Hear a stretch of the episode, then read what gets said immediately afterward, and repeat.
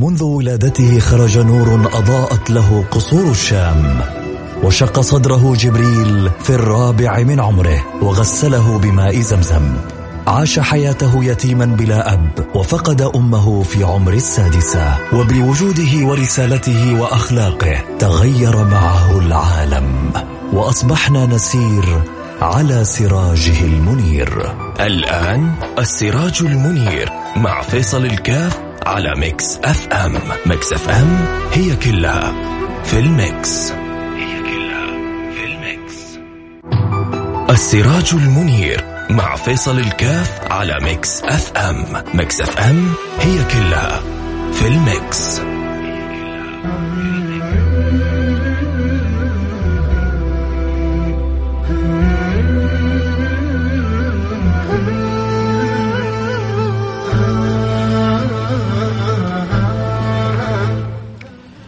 بسم الله الرحمن الرحيم الحمد لله والصلاة والسلام على رسول الله وعلى آله وصحبه ومن والاه حياكم الله أحبتي في برنامج السراج منير برنامج الذي نتذاكر وإياكم فيه أخبار البشير النذير حبيبنا المصطفى صلى الله عليه وعلى آله وصحبه وسلم ونسأل المولى سبحانه وتعالى أن يملأ قلوبنا تعلق وتخلق وتأدب بأداب هذا النبي العظيم ونخرج من هذه الدنيا ونحن عند المولى سبحانه وتعالى من المرضيين رضي الله عنهم ورضوا عنه.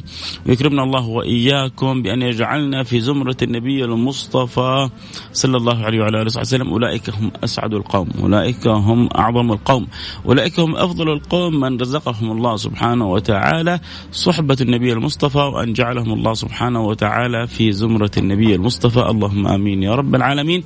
ولذلك نتذاكر وإياكم نحن أخبار سيرة النبي المصطفى. لما؟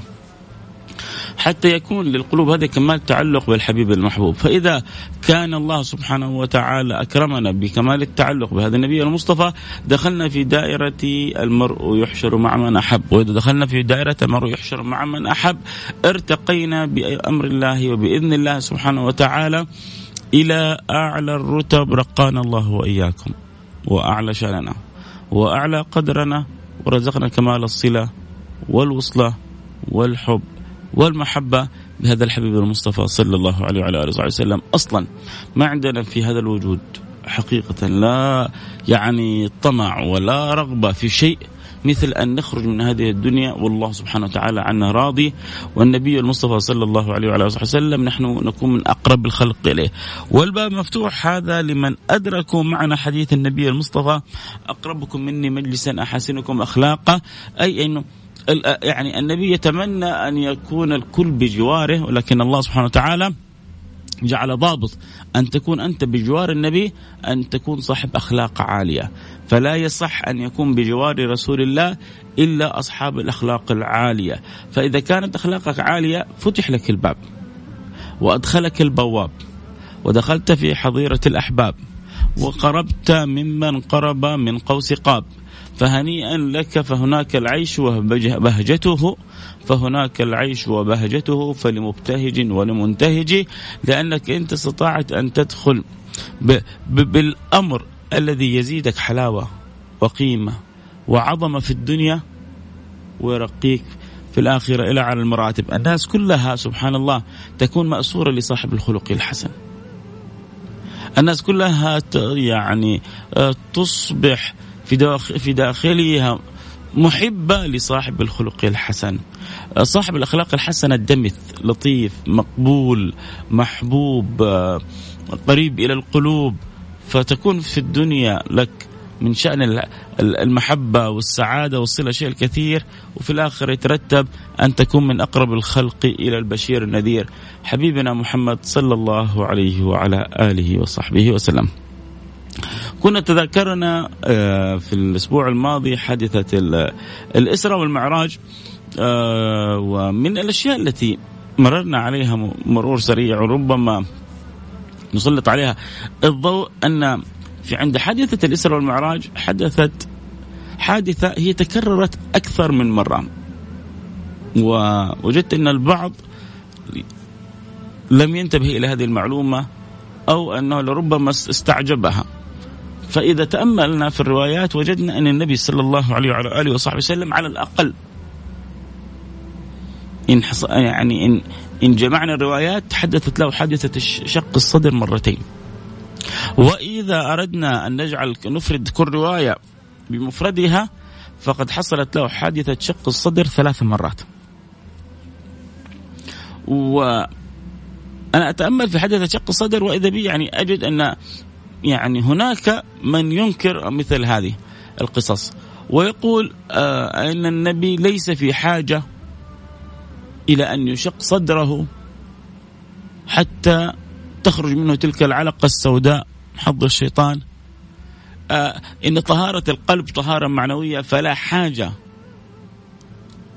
أن يأتي جبريل ويشق صدر النبي الجميل بأمر الملك الجليل. ما, ما, ما الحاجة ما الحاجة إلى هذا كله؟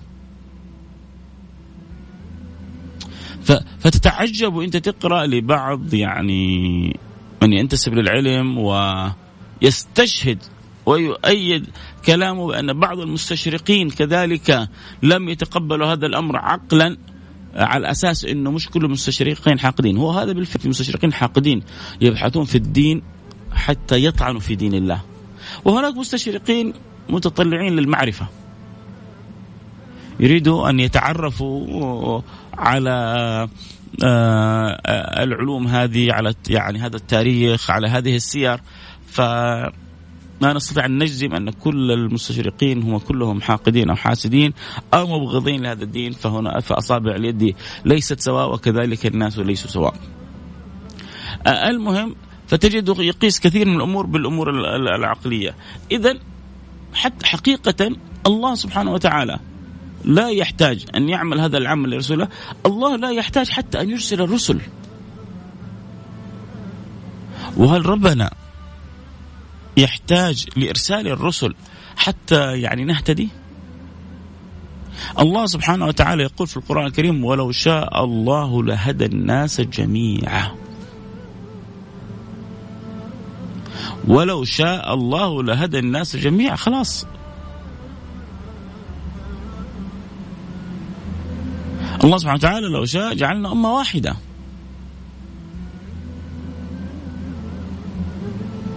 جعلنا ملة واحدة جعلنا على دين واحد من غير اختلاف.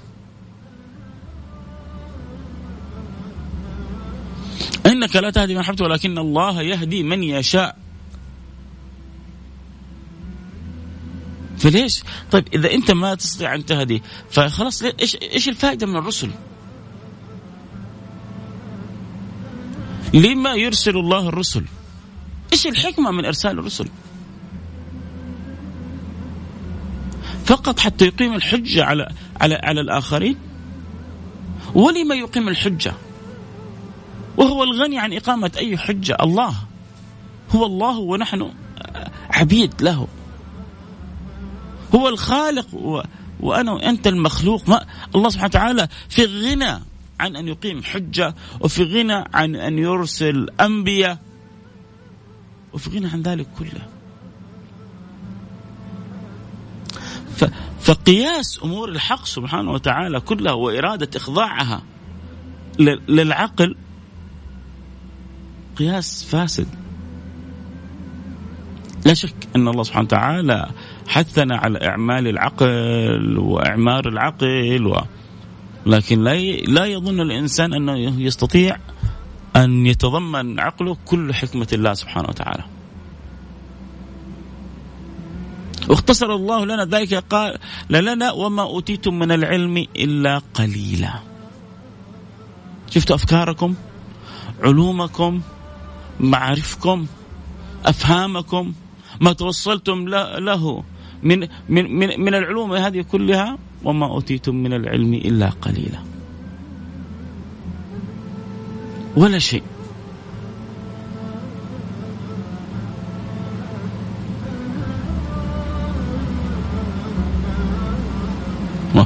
وأخبرهم أنهم عند حتى أمام الذبابة ضعف ضعف الطالب والمطلوب ضعف الطالب والمطلوب. الذبابة لو تستسلم منك شيء ما تستطيع خلاص. كيف ترده؟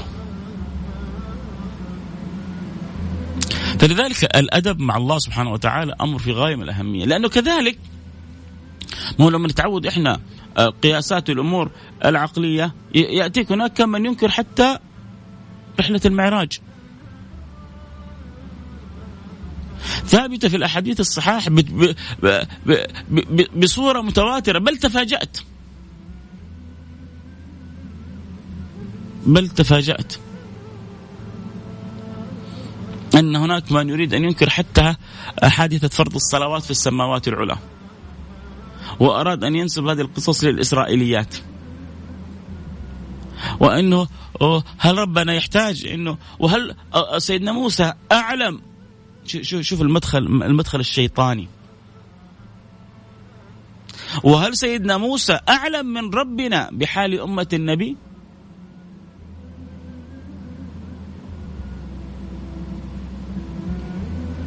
الله. تجي أنت تقيسها كده تفكر فيها؟ صحيح. يعني سيدنا موسى رحيم بأمة النبي وربنا مش رحيم يعني ولا كيف؟ يعني سيدنا موسى عطوف على أمة النبي وربنا ما هو عطوف على أمة النبي ولا كيف؟ سيدنا موسى يعلم النبي حتى يخبر ربنا أن أمتي ما تطيق ذلك فيخفف عنها. فسيدنا موسى يعلم رسول الله ويعلم ربه ولا كيف؟ إيش؟ يعني فكان يتكلم كذا بعنجهيه وبأنه يعني كفانا إسرائيليات وكفانا والحديث في البخاري والحديث في مسلم. والحديث في الصحاح.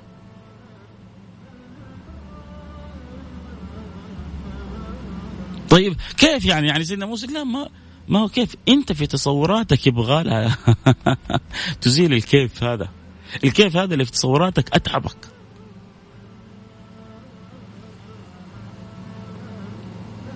يمحو ما يشاء ويثبت وعنده أم الكتاب. يقدر على العبد الشيء. ويعلم الله أن العبد سوف يدعوه برفع هذا الشيء فيرفعه الله عنه.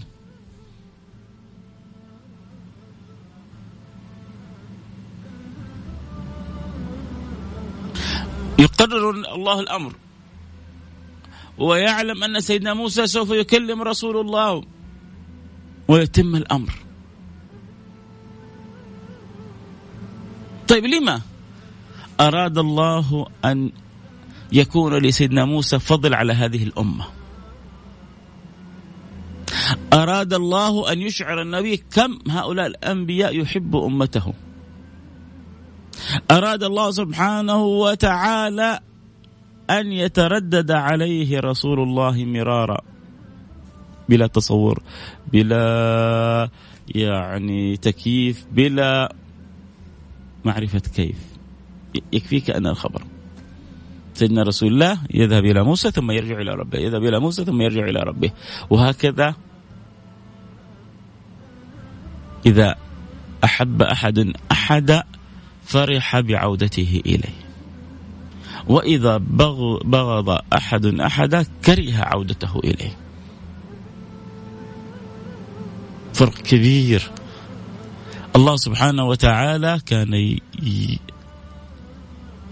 يحب عودة النبي إليه. حتى بلغ من كثرة عودة النبي أن استحيا رسول الله لأن الله سبحانه وتعالى أعطاه العطاء الجزيل. كانت خمسون صلاة. تحولت إلى خمس صلوات. قال هن خمس في الصلوات وخمسون في الأجر. خمس صلوات الحسنة بعشر أمثالها. الصلاة بعشر صلوات.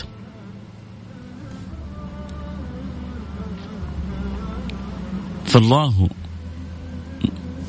محيط بكل شيء علمه. عالم بما كان وما يكون وما سيكون.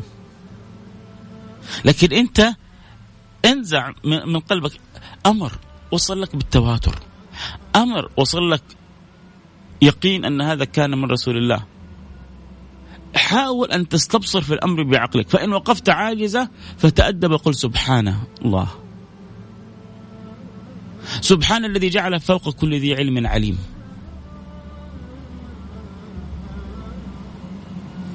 صدقوني كثرة يعني الإسقاطات العقلية. بعد ذلك حنوصل إلى ثوابت مهمة في ديننا. يعني يريدون بها زعزعة الدين. مثل ذلك الذي يقول ائتوا لي بحديث واحد حديث واحد. النبي صلى الله عليه وسلم يقول فيه أن صلاة الظهر أربعة أو أن صلاة المغرب ثلاثة. طيب إيش تبغى توصل له؟ يعني بقول لك إنه يعني ما في ما في الصحاح حديث إنه صل... طب يعني نصلي يعني تبغانا نصلي الفجر كم ركعة؟ تبغانا نصلي الظهر آه، كم ركعتين أو ركعة؟ آه، إيش اللي تبغى توصل له؟ وإنت عندك السنة هي بس أقوال النبي إنت درست الحديث انت عارف إيش هي السنة؟ كل فعل أو قول أو تقرير من رسول الله صلى الله عليه وسلم؟ تعرف ما معنى التواتر؟ أن يجتمع يعني الخلق على أمر بحيث يستحيل الكذب والتواطؤ بينهم؟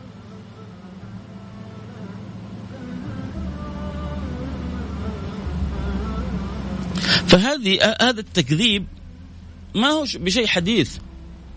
هذا من أيام النبي صلى الله عليه وعلى آله وصحبه وسلم من أيام كانوا يعني في ذلك الوقت وهم محا يعني وهم محاصرون والنبي يأتي لهم بالمعجزات ويقولون إن هذا إلا سحر مبين كلما عجزوا كلما أبهرهم النبي كلما يعني وقفوا شخصين أمام قوة وقدره النبي قالوا إن هذا إلا سحر مبين. شوف النبي صلى الله عليه وسلم ثلاث سنوات وهو في شعب أبي طالب. محاصر.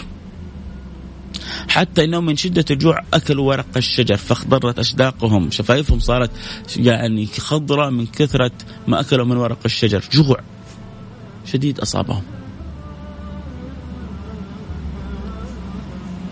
فقرر مجموعة مطعم ابن عدي وابو ابو ابو هشام البختري و آه، سودة بن زمعة.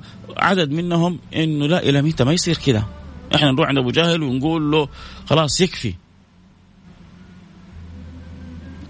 فلما قرروا في نفس الوقت أوحى الله وأخبر الله سيدنا رسول الله أن الصحيفة حقهم اللي تعاهدوا فيها إنه ما يناكحوا ولا يقاربوا ولا يتاجروا ولا يتبايعوا مع بني هاشم وبني المطلب أكلتها الأرض. ما بقى فيها إلا اسم الله. باقي كذا كله أكل. فأبو طالب كان يصدق النبي ويعرف إن النبي ما يكذب أبدا ويعلم أنه لا يأتي بالحديث من عند نفسه. فذهب وكل يقين. ووجدهم وهم يقررون تقطيع المعاهدة هذه. فجاء المطعم قال إلى متى ونحن نقاطعهم؟ لابد أن نفك هذا الحصار. قال له كذبت أبو جهل. قال له كذبت. ما هو مثلك اللي يفك معه فدخل عليه أبو شام قال له إلا بل, بل نقطع الوثيقة. قال له أنت كذبت كذا قال له زمع بن سودة بل نقطع الوثيقة. قال أبو جهل هذا أمر دبر بليل. فتكالبوا على أبو جهل من كل مكان. على أبي جهل من كل مكان. وهم كل واحد فيهم سيد في مكانه. وهم أصلا يعني الخاطر تردد عندهم إنه لابد نفك الحصار على النبي صلى الله عليه وعلى آله وصحبه وسلم. يعني هم تعاطفا مع قبيلتهم مو عشان نصرة لدين الله لكن هو تعاطفا. يعني آه، فطرة إنسانية. كيف؟ هذول أبناء عمومتنا ونتركهم ثلاث سنوات بالطريقة هذه. طب لما تحرك الخاطر عندهم بعد ثلاث سنوات؟ هذه كلها حكم أرادها الله سبحانه وتعالى. وربنا ما كان قادر من أول يوم ينصر النبي محمد بدون ما يتعذبوا العذاب هذا ويجلسوا الثلاث سنوات هذه. وفي لحظة آه، يبيد قريش وأهل قريش كلهم ويجعلهم قاعا صفصفة. ربي يقدر ولا ما يقدر؟ أنا أبغى أفهم. طيب إذا كان ربي قادر لما ترك أحب أحب أحب إنسان على الوجود إلى الرب سبحانه وتعالى ومعه صفة من يحبهم الله. سيدنا أبو بكر وسيدنا آه علي وس يعني والصحابة الكرام رضوان ربي عليهم أجمعين. آه لما لما تركوا هكذا؟ لما لما تركوا وهم في الحصار في, في شدة الجوع هذه؟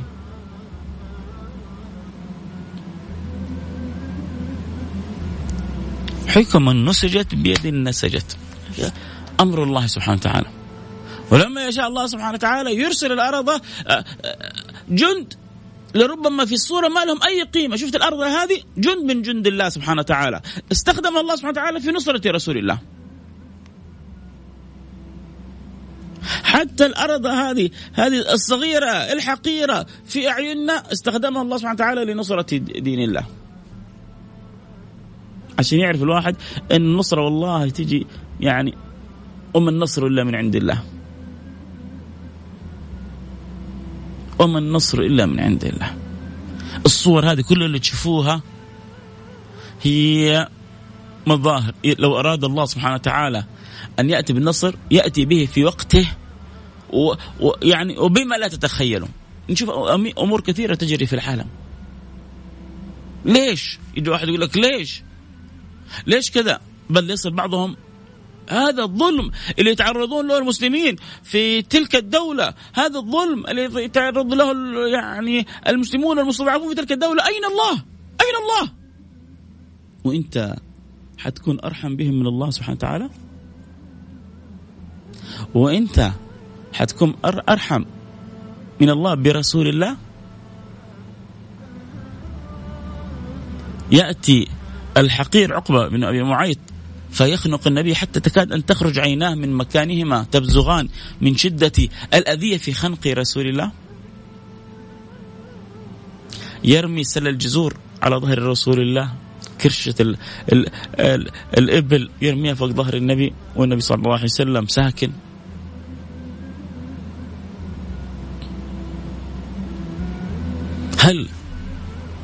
الله عاجزا عن عن نصر رسول الله. عشان نفهم ان كثير من الأمور اللي تجري من حولنا في وراء الأمور مدبر. إحنا شغلنا الشاغل كيف نصلح حالنا مع هذا المدبر. إحنا شغلنا الشاغل كيف نحقق حقائق نصرة الله في أنفسنا. إن تنصروا الله ينصركم. إن هذه أداة شرط. أداة شرط. إن تنصروا الله ينصركم. أنت تبغى ربنا ينصرك صح؟ انصره كيف أنصره فتش. دور ابحث. اللي تشوفها برا من من من أمور من مظاهر من تكالب على الإسلام على المسلمين هذه أنت تبغى هذه تبغى تبحث عن نصرة الله. الله قال لك أنا متكفل بها. الله يقول لك أنا متكفل بها. طيب ما المطلوب يا رب؟ قال انصرني. إن تنصروا الله ينصركم ويثبت أقدامكم.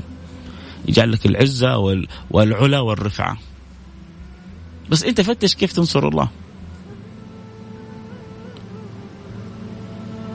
أنا بعطيك مساحة. اليوم مش حلقتنا الموضوع هذا. بعطيك مساحة أنت من التفكير. أنت فكر كيف تنصر الله. ونصر الله بأبسط وأسهل وأيسر ما يكون لكن إحنا غافلين عن نفسنا وفي أنفسكم أفلا تبصرون. وفي أنفسكم أفلا تبصرون. فالشاهد أنه كثرة ال ال يعني التحجيم العقلي والإنكار العقلي في غير محله ينبغي أن تضبط. فلا يمكن أن نعطل عقولنا. وحاشا الله أن يأمرنا بذلك. ولكن ينبغي أن نعرف أن نعطي أن نعطي كل ذي قدر قدره. وأن يعرف العبد حجمه. ويدرك في الحقيقة وفي الأخير أنهم وما قدر الله حق قدره. حتى تستقيم المعادلة ويستقيم سيرنا إلى الله سبحانه وتعالى. فإذا رأينا ما رأينا تذكرنا كيف أن النبي صلى الله عليه وسلم حوصر سنوات في شعب أبي طالب وربنا ناظر إليه عالم بحاله مدبر للأمر الشاهد لما اجتمعوا قرروا ينقضوا الوثيقة هذه مع جية أبو طالب أبو طالب قرر أنه لابد لهذا الأمر من انتهاء بس عنده حاجة قوية الآن معه. فقالوا له لقد خضع أبو طالب. الحصار هذا كله ليه يا جماعة؟ الحصار هذا كله حصل عشان قرروا بعد ما بدأ يعني صيت النبي ينتشر إنه يقتلوا النبي صلى الله عليه وسلم.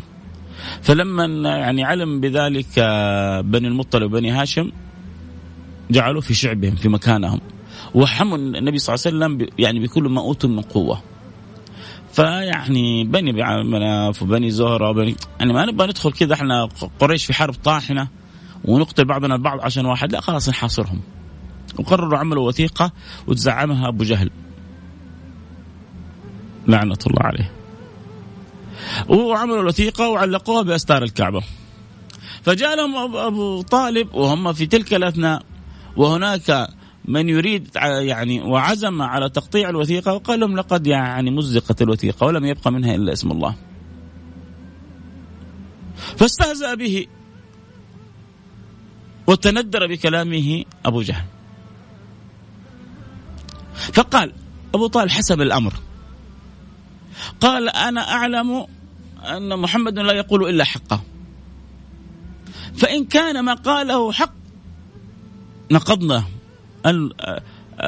المعاهدة. ورفعنا المقاطعة. وإن كان الأمر غير ذلك أنا أسلمتكم بنفس محمد. أنا حجيب محمد وآخذه وأسلمه لكم. إيش تبغوا أكثر من كذا؟ أنا حصير معاكم ضد محمد. هم. عجبهم الكلام. حلو. نجيب الوثيقة الآن وشوفها بنفسه. أبو طالب ويسلم لنا محمد. إيش نبغى أحسن من كذا؟ وصير أبو جهل كذا حفظ ماء وجهه من آه، صناديد قريش كالمطعم بن عدي وكالابو هشام البختري وكزمع بن سودة والبقيه اللي تجمعوا قالوا لابد نقطع الوثيقة. لا حلو خلاص حصل له مخرج. نأتي بها. راحوا يأتوا بها وجدوها قد أكلت ما عدا اسم الله. شوفوا يا جماعة هم الآن بينهم اتفاق إنه ينتهي الحصار. لكن أليست هذه حجة؟ أليست هذه وجهة؟ أليس هذا دليل على أنك تؤمن بالملك الكبير وتؤمن برسالة البشير النذير؟ يعني إيش تبغى أكثر من كذا؟ واحد في في شعب محاصر يحكيك عن أمر أنت بنفسك ما تعلم عنه شيء. وتؤتى بالوثيقة ويكون كما قال محمد. إيش قالوا؟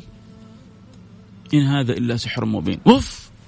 سحره بلغ حتى هذا المدى. كل ما النبي صلى الله عليه وسلم صلى الله عليه وعلى آله وسلم افحمهم في شيء أرجعوا إلى السحر. ما ما إيش إيش إيش كيف يقنعوا اللي حولهم الهبل اللي حولهم؟ إنه النبي مو حق ما في اللي نقول سحر. خلاص. إنه لسحر مبين اللي من حول هؤلاء الصناديد.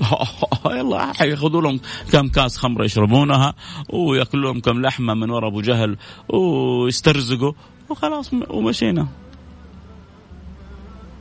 بئس العيش. بئس الحال. وكم كم من أناس ما زالوا في زماننا هذه؟ في فيهم هذه الأفكار التخلفية. وفيهم عدم الأدب مع الله فيما يجري في كونه. وفيهم عدم التنبه. أن لله حكمة في كل أمر. وهذه توفيق من الله سبحانه وتعالى. إذا وفقك الله. طبعا يسألوا في بث إيه والبث موجود لنا. من أول الحلقة فتحناه على الإنستغرام live فيصل كاف. على الإنستغرام live فيصل كاف. اللي يحب يتابع الحلقة أكيد صوت وصورة. F A I S A L K A F F A I S A L K A F واحد بيقول أتمنى يعني ان أشوف آه الأنبياء. يا رب يا رب آه نشوف سيدهم إمامهم حبيبهم. تاج الرأس سيدنا محمد صلى الله عليه وعلى آله وصحبه وسلم. يا رب الله يجعلني وإياكم مستمعين وجميع المسلمين ممن يكرم ممن يكرم ممن يكرم بصحبة النبي المصطفى الأمي الأمين. يا رب الله يجعلنا وإياكم من أقرب الخلق للنبي محمد في ذلك اليوم. ولما النبي صلى الله عليه وعلى آله وصحبه وسلم يسقي بيده من يحب أن يسقينا بيده الشريفة شربة هنيئة لا نظمأ بعدها أبدا. أن يسقينا بيده الشريفة شربة لا نظمأ بعدها أبدا. فكنا نتكلم عن يعني في البداية عن حادثة شق الصدر وخرجنا منها إلى بعض من يدعون العقلانية يسمون نفسهم عقلانيين وهم حقيقه يعني أبعد ما يكون عن العقل. لأنه لو لو حكم عقولهم لأدركوا أن قدرة الرب سبحانه وتعالى فوق كل تصور.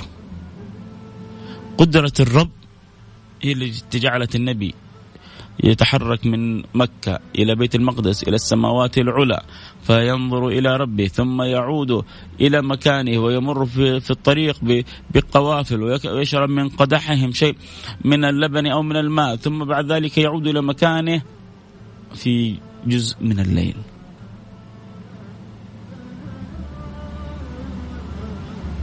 بل يعني تذكر بعض الأخبار وأنه حتى أن الفراش لم يبرد وكأنها لحيضات تمت فيها هذه الرحلة كلها. كيف؟ ما هو شغلك إيش تستفيد لما تعرف كيف؟ بالله عليك قل لي بس كيف هذا اللي عنده علم كتاب نقل عرش بلقيس؟ كيف؟ ولا هذه كمان خرافة؟ طب يعني ربي حكينا الخرافات في القرآن الكريم ولا كيف يعني؟ قال عفريت من الجن أنا أتيك به قبل أن تقوم من مقامك. وبعدين ترى ما شاء الله يعني كلهم عندهم قدرات خارقة. العفريت يجيبه في في في لحظات. أما عنده علم كتاب من وهذا العلم علم كتاب هذا ما هو جني هذا إنسي. أما العفريت جني. بس واضح إنه كل اللي حول سيدنا سليمان عندهم قدرات خارقة. اللي حكينا ترى القصة هذه ما هو فيصل ولا فلان ولا علان ولا نبي لا لا لا هذا كلام الله. أنا أريد من الحلقة هذه أنه لما نسمع قصة مثل قصة الإسراء والمعراج لما نسمع مثل حادثة شق الصدر لما نسمع بعض, هذه هذه الآيات المعجزات المبهرات نفتخر أنه نبينا محمد. وأن الله سبحانه وتعالى أحب محمدا كما لم يحب أحدا. وإن الله عنايته بالنبي صلى الله عليه وسلم في في كل أحواله. ما لم تكن عناية الله بالنبي بعد بعد الرسالة. لم تكن عناية الله بالنبي بعد البعثة كما يقول البعض. أن محمد قبل البعثة كان إنسان عادي وبعد البعثة آه، يعني حصلت العناية والرعاية له. العناية والرعاية حصلت لرسول الله من قبل أن يخلق. وفي حمله وفي أثناء ولادته وفي رضاعه وفي صغره وفي شبابه. حتى نبوته وحتى وفاته وحتى بعد وفاته. وما زالت العناية والرعاية تلاحظ النبي المصطفى. وتلاحظ أحباب النبي المصطفى.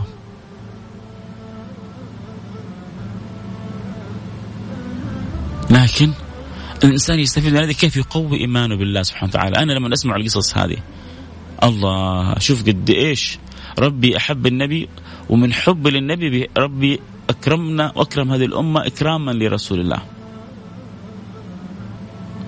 أنا وأنت والله يا جماعة يعني إحنا حزنا من الخير الشيء العظيم إكراما لرسول الله. النبي يقول أنا حظكم من الأنبياء وأنتم حظي من الأمم. أسألكم بالله مين عنده حظ مثل حظنا؟ مين عنده حظ مثل حظنا؟ لما نكون إحنا حظ النبي مش اللي زاد في قدر النبي. لكن لما كان النبي حظنا إحنا إيش اللي زاد في قدرنا؟ اللي زاد في قدرك إنك أنت صرت في أعظم أمة. في أجل أمة في أحلى أمة في أفضل أمة ومما زادني شرفا وتيها وكدت بأخمصي أطأ الثريا. دخولي تحت قولك يا عبادي وأن صيرت أحمد لي نبيا. يا سلام. يا سلام. وأن صيرت أحمد لي نبيا. أنت لما دخلت في أمة النبي دخلت في الخيرية كنتم خير أمة أخرجت للناس. ليه؟ لأنك أنت في هذه الأمة. مين بشهادة مين بشهادة رب العالمين أنت في أحسن أمة. كنتم خير أمة أخرجت للناس إحنا إحنا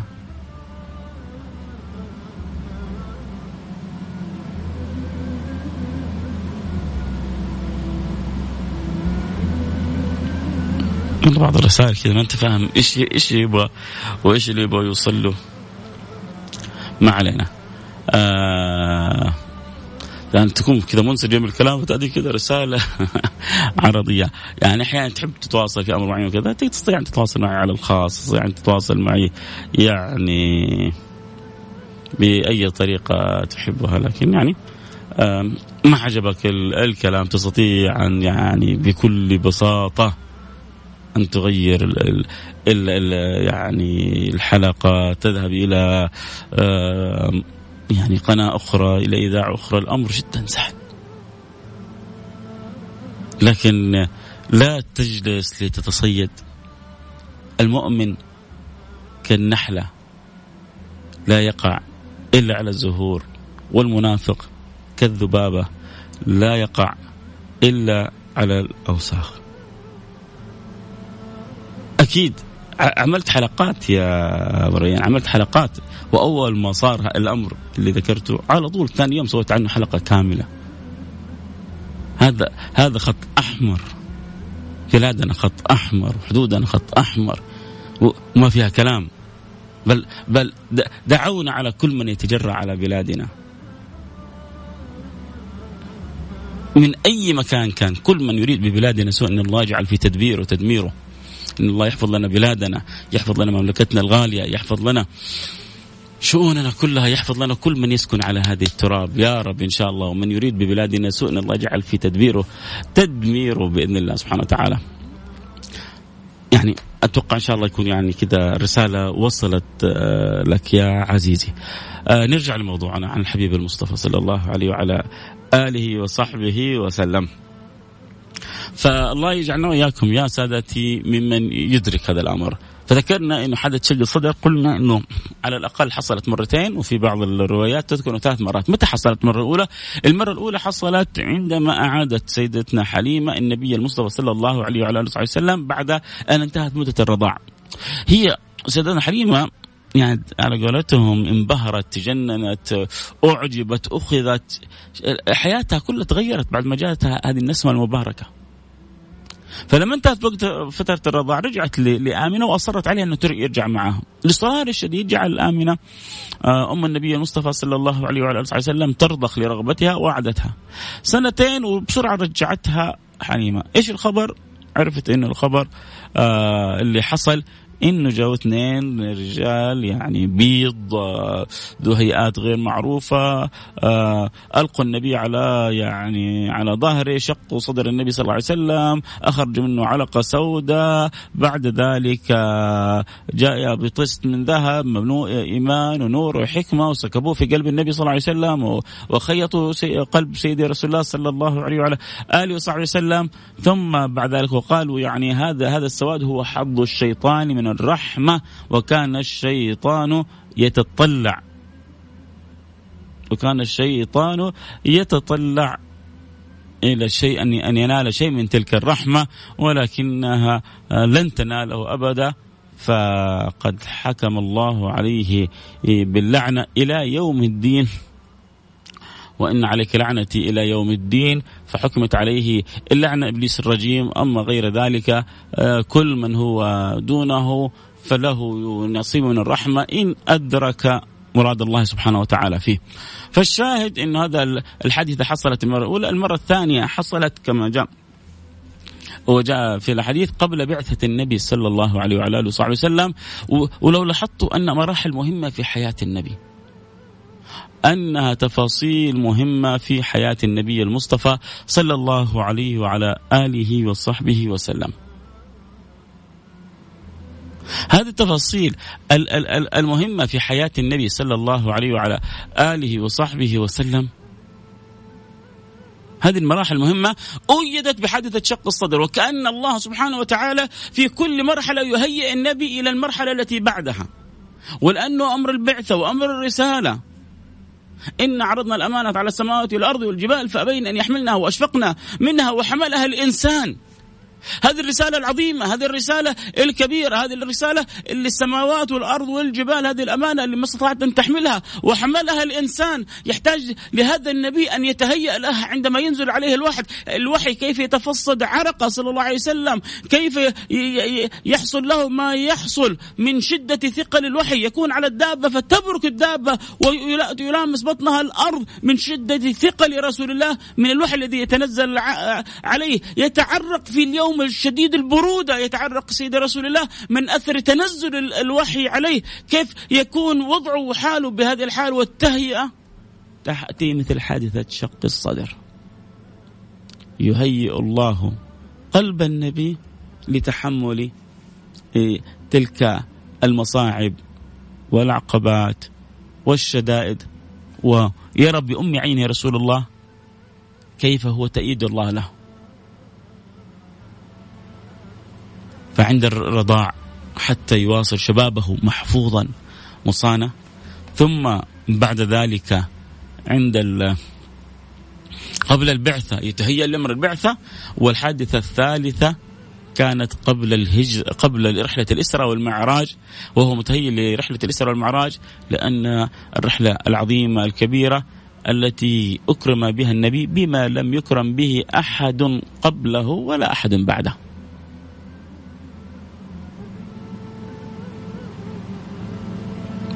بما لم يعني يعطها أحد من الخلق أبدا. طب هذا الأمر أمر ترى مو سهل.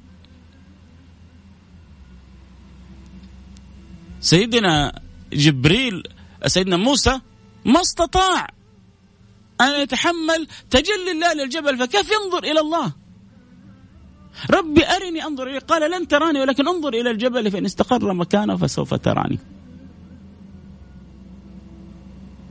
فلما تجلى ربه للجبل خر موسى صاعقة ما استحمل سيدنا جبريل تجلي الله على الجبل. فالأمر يحتاج إلى تهيئة فيأتي تأتي حادثة شق الصدر لرسول الله حتى يهيئ للأمر العظيم هذا. ويزداد قلبه طهر على طهر ويزداد قلبه نور على نور ويزداد قلبه امتلاء بحكمة وإيمان. وعطايا من الرحيم الرحمن يقول سيدنا أنس وإني لاجد أثر يعني ال يعني ال الشق في صدره. يقول إني أجد أثر الشق في صدره في صدر الرسول صلى الله عليه وسلم. ملامح الشق موجودة.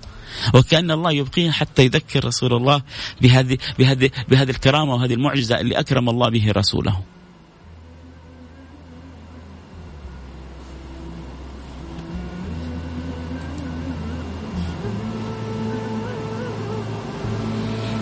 أجمل الحديث عن سيدي رسول الله.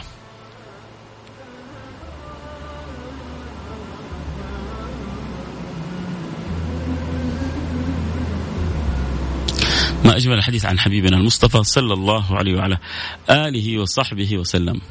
ما أجمل الكلام عن سيرة هذا النبي المصطفى سبحان الله. شوف إحنا نتكلم عن السيرة البعض منزعج انزعاج شديد.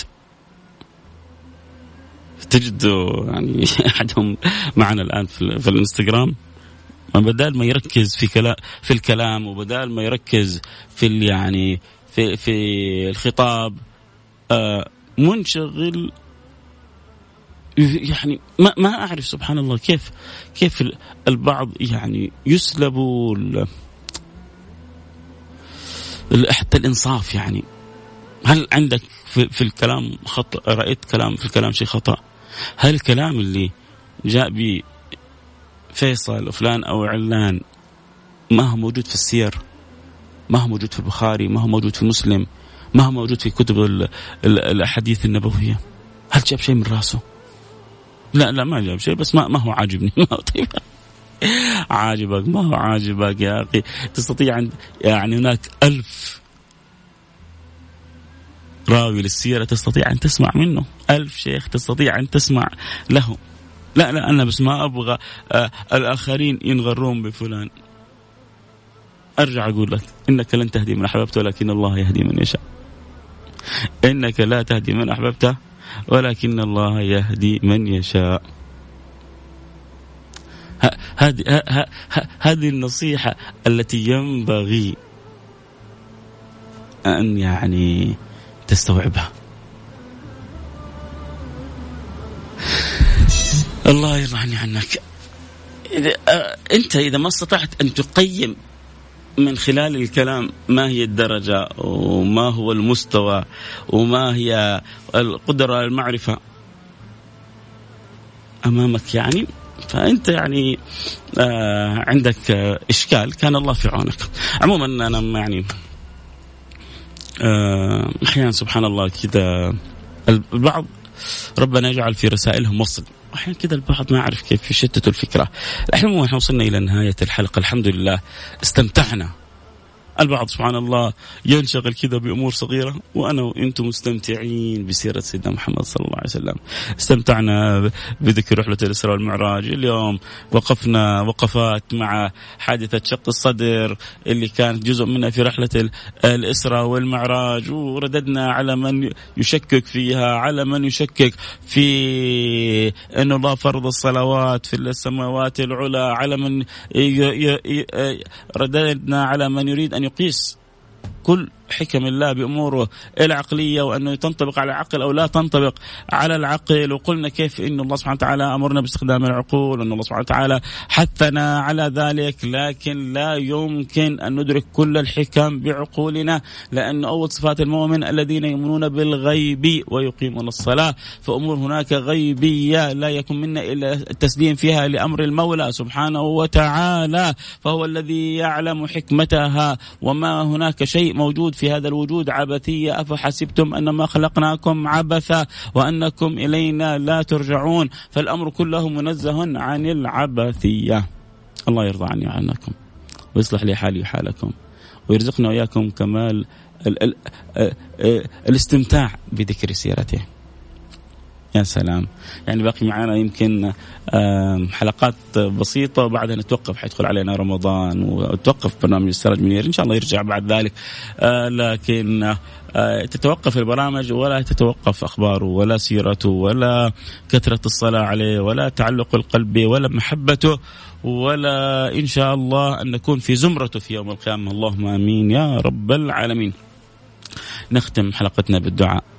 ونتوجه إلى الله سبحانه وتعالى ونقول يا رب ونسأل الله سبحانه وتعالى أن يرضى عني وعنكم وعن جميع المسلمين. يا رب العالمين ان يهديني ويهديك ويهديك ويهدي الجميع. اللهم آمين. يا رب العالمين. يا سلام بالفعل. إنما أنا عبد الله ورسوله. وهذه أعظم مدحه لرسول الله. أعظم ما مدح به رسول الله. سبحان الذي أسرى بعبده. لما؟ لأن الله وصف فيها رسول الله بالعبودية الكاملة. فالله سبحانه وتعالى يعني نسأل الله أن أن بالفعل يجعلنا ندرك عظمة أنه عبد. هذه هذه قمة المفخرة قمة المفخرة لرسول الله أنه عبد لله أنه عبد الله ورسوله. ملأ الله قلوبنا. آه، أدب. مع الله وملأ الله قلوبنا أدب مع رسول الله. نتوجه بالدعاء خلاص. يكفي أصحاب السجال في الانستغرام. الآن كلنا نتوجه بالدعاء مع بعض. ونأمن ونقول يا رب يهدينا ويهدي الجميع ويهدي إيه سائر الخلق ويردنا إليه مرد جميل. ندعي لأنفسنا بالهداية والصلاح. وندعي لبلدنا بالحفظ.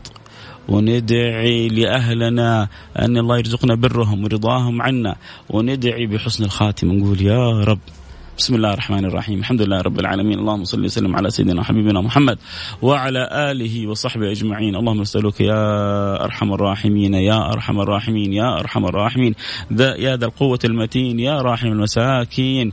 يا من هو الله؟ لا إله إلا أنت. سبحانك إنا كنا من الظالمين. نسألك وأنت أكرم الأكرمين وأنت الذي لا تخيب من دعاك ولا ترد من رجاك. ليس لنا مولى سواك فندعوه. ولا إلها غيرك فنرجو فإن طردتنا فأي باب نقرع. نسألك يا أكرم الأكرمين أن تصلي وتسلم على المبعوث رحمة للعالمين. سيدنا وحبيبنا محمد وعلى آله وصحبه أجمعين. وأن ترزقنا كمال التعلق به وكمال محبته وتدخلنا في دائرته. وألا تحول بيننا وبين اللهم اجعلنا من أكثر الخلق حرصا على تطبيق سنته. من أكثر الخلق صلاة عليه. اجعلنا من أكثر الخلق حرصا على نشر تعاليمه وآدابه وأخلاقه في أنفسنا أولا وفي سائر الخلق عامة يا رب العالمين. اللهم أسألك يا رب العالمين يا أرحم الراحمين أن توسع لنا في أرزاقنا وأن تقضي عنا ديوننا وأن تشفينا من جميع أمراضنا وأن تتوب علينا توبة نصوحة تطهرنا بها قلبا وجسما وروحا.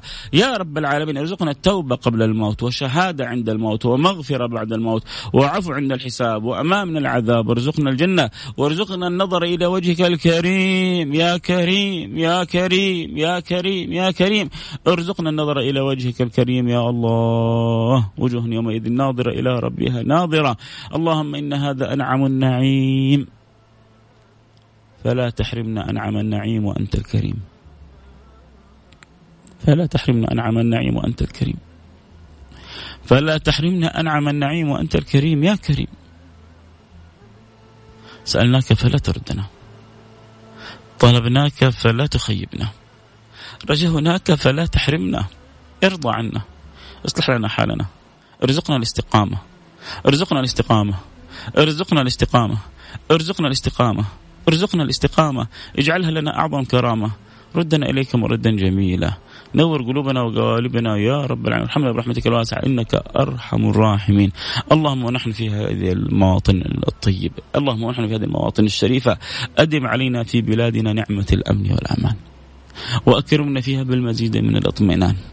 واجعلنا يا رب العالمين محفوظين فيها. سارية فينا دعوة سيدنا إبراهيم وإذ قال إبراهيم رب اجعل هذا بلدا آمنا. وارزق أهله من الثمرات.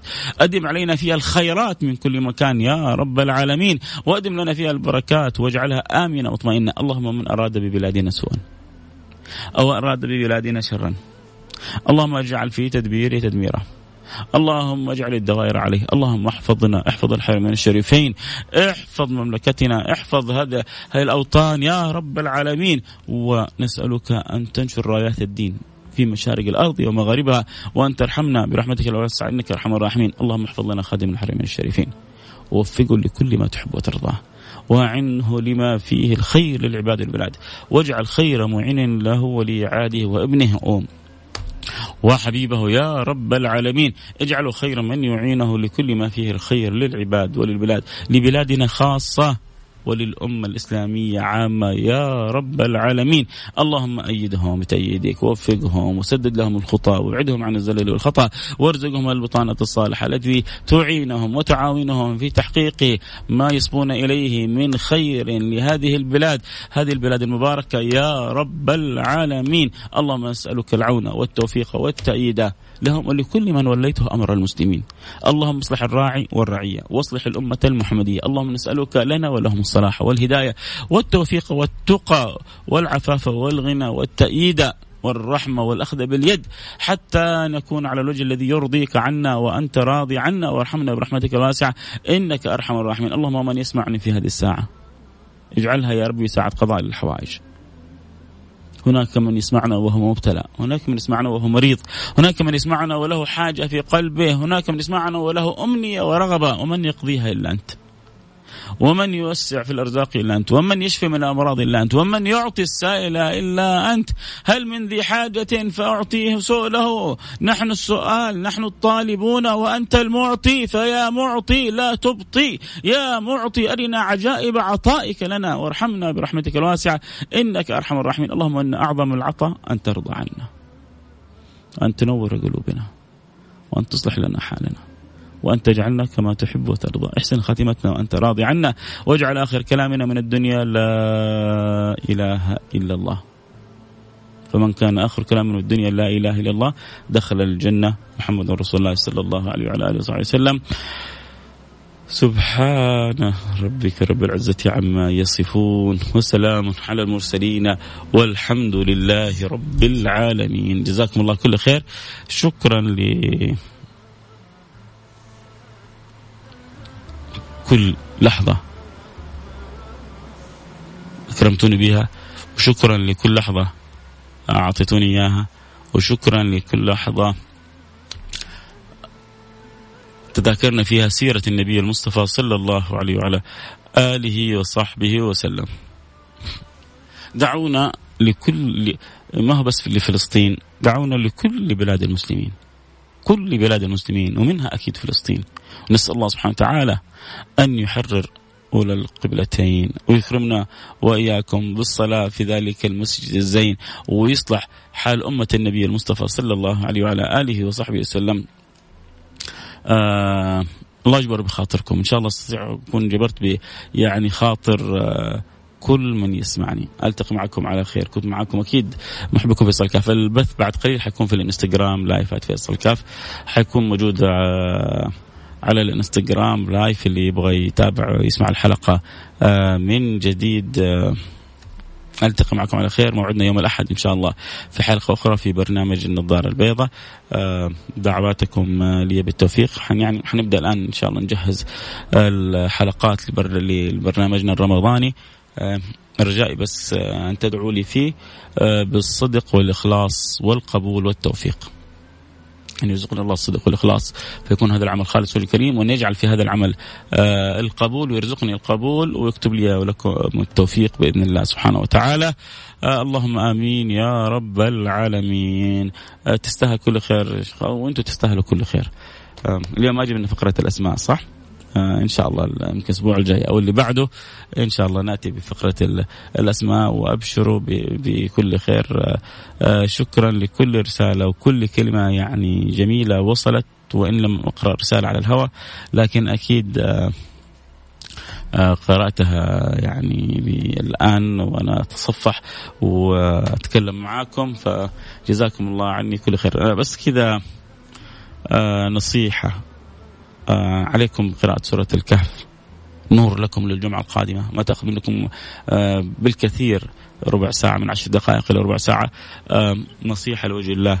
آه أكثروا من الصلاة. آه والسلام على سيد الأنام حبيبنا محمد صلى الله عليه وعلى آله وصحبه وسلم. آه النصيحة الثالثة. هذه دائما النصيحة لكم كل جمعة. في الكهف. الصلاة على النبي. في الجمعة ساعة مخبأة يستجيب الله فيها الدعاء. في الجمعة ساعة موفقة يستجيب الله فيها الدعاء مخبأة. فكل ما حصلت وقت الان ادعو ربك وبعد ساعة وانت على الغداء وبعد شوية والعصر ولو حتى نصف دقيقة ولو حتى نصف دقيقة. إيش تبغى أنت؟ تبغى ربي يغنيك؟ يقول يا رب اغنيني. كل شوية يا رب اغنيني. تبغى ربي يشفيك؟ يقول يا رب يشفيني تبغى رب يرضى عنك يا رب يرضى عني. يعني ما هو لازم تجلس وتسوي لها جلسة خاصة لكن كل لحظة وكل ما حصلت وقت ادعو الله سبحانه وتعالى. ولما تدعو لنفسك ادعو لأمة النبي محمد صلى الله عليه وسلم. وإن الله سبحانه وتعالى يصلح الأحوال وربنا إن شاء الله يصلح حالنا وحال أمة النبي. ندعو لبلادنا بالحفظ بإذن الله سبحانه وتعالى آه، خاصة ولسائر بلاد المسلمين عامة بالحفظ. اللهم آمين يا رب العالمين. آه، كنت معكم محبكم فيصل كاف. نلتقي على خير في أمان الله.